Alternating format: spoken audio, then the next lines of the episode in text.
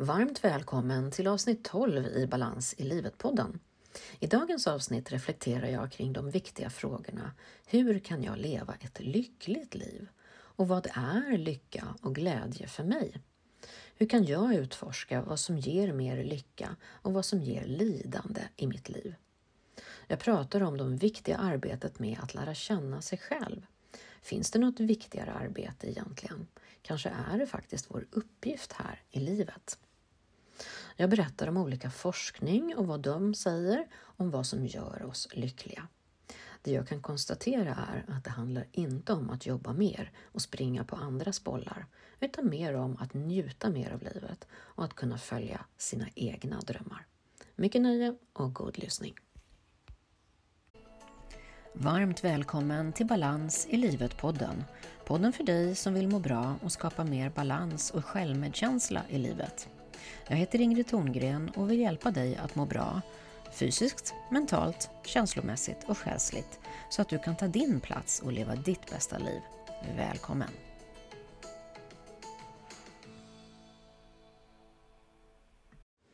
Vad är meningen med livet? Stor fråga, eller hur? Tänk om livets mening är lycka, att leva ett så lyckligt liv som jag kan under de förutsättningar jag har. Då blir vår uppgift i livet att minska det som ger lidande och olycka och istället gynna det som leder till lycka för oss. Och då behöver vi såklart utforska vad är det som gör mig lycklig? Dina personliga värderingar ger dig ju en kompassriktning i livet som utgår ifrån vad som skapar mening, glädje och ett rikt liv för just dig. Det är en väg som utgår ifrån dina egna behov och önskemål. Det skapas utifrån dig själv, inte utifrån vad någon annan vill att du ska tycka, tänka, vara eller göra.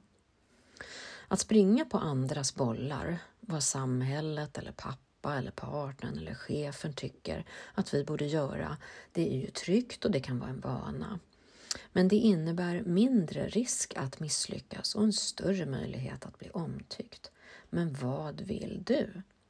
Att säga ja och ställa upp för andras vilja och behov, ger det dig verkligen glädje och lycka? Det är frågan. Frågan är om du är medveten om vad som är viktigt för dig. Det är att få kontakt med vår innersta kärna, vårt sanna jag och våra värderingar och då behöver vi stanna upp och lyssna inåt. Att ge oss utrymme att förstå oss själva på djupet. Att lyssna in till vår själ, vår inre sanning. Då behöver vi vara själva och tysta och lyssna inåt. Istället för att vi springer på i ekorrhjulet för att någon annan eller samhället har bestämt att det ska vara så. Att vi trycks in i en samhällsstruktur som kanske inte gynnar oss och vårt välmående. Utan vi behöver finna vår egen inre kompass där vi gör medvetna val i fråga om vad vi vill arbeta med, vad vi vill bidra med och hur vi vill leva. För det stora värdet i livet är ju förvaltna våra egna resurser så att våra egna behov tillvaratas samtidigt som det också bidrar till något bättre för alla. Ett favorituttryck jag har är ett som Lao Tzu har sagt. Han har sagt så här. Att lära känna andra är vist, att lära känna sig själv är upplysning. Och jag är ganska övertygad om att det är något av det mest centrala och viktigaste i livets resa, att just lära känna sig själv och förstå mig själv. Om det här skrev redan Sokrates under antiken. Han hade sitt eget valspråk, känn dig själv. Och han visste att kunskapen om oss själva finns inom oss, om vi lär oss att lyssna. Han sa att om vi lyssnar till oss själva så upptäcker vi samvetet och förnuftets röst. Självkännedom är en förutsättning för att överhuvudtaget förstå sin omvärld och att agera på ett ansvars, ansvarsfullt sätt, menade Sokrates. Så frågan är då, vem är du? Att finna ut vem man verkligen är är ju ett av livets viktigaste frågor. Vad har jag för kvaliteter, gåvor, talanger och vad vill jag bidra med här i världen? Jag läste nyligen i en bok som en sjuksköterska skrivit. Hon hade arbetat många år på en palliativ avdelning där hon vårdade människor i livets slutskede. Hennes otaliga timmar med människor på dödsbädden resulterade i boken The Top Five Regrets of the Dying. Här kan man läsa vad döende människor ångrade mest när de summerade sina liv. Listan ser ut så här. Nummer 1. Jag önskar att jag hade haft modet att leva enligt mina drömmar och inte utifrån andras förväntningar. Nummer 2. Jag önskar jag inte hade jobbat så mycket. 3. Jag önskar jag hade haft modet att uttrycka mina känslor. Nummer 4. Jag önskar jag hade hållit kontakten bättre med mina vänner. Nummer 5. Jag önskar jag hade unnat mig själv att vara lyckligare. Viktiga frågor att ta ställning till innan det är för sent, eller hur? Hur kan jag leva mitt liv utifrån den jag är, inifrån och ut? Vad gör mig lycklig och hur kan jag njuta mer av mitt liv? Kanske genom att jobba mindre, hålla en bättre kontakt med mina vänner och uttrycka mina känslor. Viktiga vägar till lycka. När man har forskat på vad som påverkar vår upplevelse av att ha ett bra liv och att känna lycka så har det flera olika komponenter, bland annat god hälsa och att ha tillräckligt med pengar för ett hyggligt liv. Dock så är det så att pengar, ju mer pengar vi har, ju lyckligare blir vi inte, utan att vi har pengar så att vi klarar oss. Och den tredje delen är sociala relationer och vänskap. Att vi har några nära relationer där vi kan känna en samhörighet med några som vi gillar och litar. Så alla de här tre faktorerna är faktiska källor till lycka. Och jag tänker att en av de sakerna som gör livet värt att leva är att försöka leva så lyckligt som vi kan. Att kunna uppskatta och njuta och vara nöjda med det vi har varje dag. Vi vet idag att människor som känner lycka ofta är mer närvarande i livet och nuet, är mer sociala, flexibla, kreativa och klarar livets utmaningar bättre än de som är olyckliga. Våra dagar är ju också räknade. Det är ju det enda vi kan vara helt säkra på att en dag så tar det slut. Så bäst att göra det bästa vi kan av den tid vi har här på jorden. Och såklart så blir det ju då väldigt viktigt att ta hand om vår fysiska kropp så att vi kan må så bra som möjligt. Kroppen är ju ändå vår boning här under vår tid på jorden och viktig för att vi ska känna lycka och må bra. Och jag tänker också att lycka handlar om hur vi väljer att se på oss själva och vårt liv. Det vill säga att lyckan avgörs mer i vårt sinnestillstånd än av våra yttre händelser. Ni vet det där med glaset halvfullt eller halvtomt. Den lyckliga ser mer positivt på sitt glas som halvfullt medan den olyckliga på glaset som halvtomt. Och det jag väljer att fokusera på, det växer ju. Så att välja att fokusera på det som är bra, det som fungerar och det jag har och är nöjd med, det är en bra start för att bli mer lycklig. Och när vi börjar bli mer medvetna om vad som gör oss lyckliga och försöker att eh, bli mer lyckliga så gynnar det oss.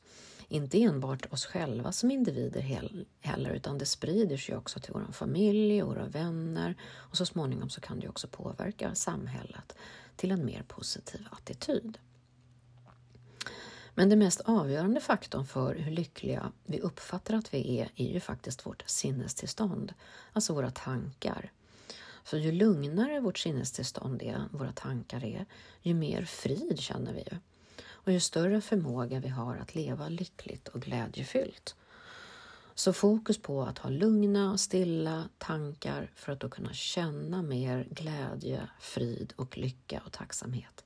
Det är en avgörande faktor.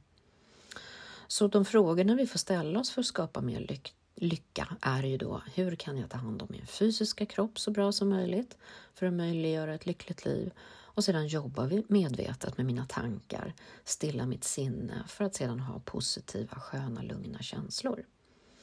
Och från det här läget då utav trygghet och tillit så är det lättare att vara öppen och nyfiken. Och då kan vi också ställa den viktiga frågan till mig själv. Vad vill jag? Vad är min dröm? Vad är min längtan? Vad vill jag bidra med? Vad är viktigt för mig? Så att mitt liv handlar om det som jag längtar efter innerst inne. Så att vi inte ångrar att vi levt någon annans liv sen när det är för sent.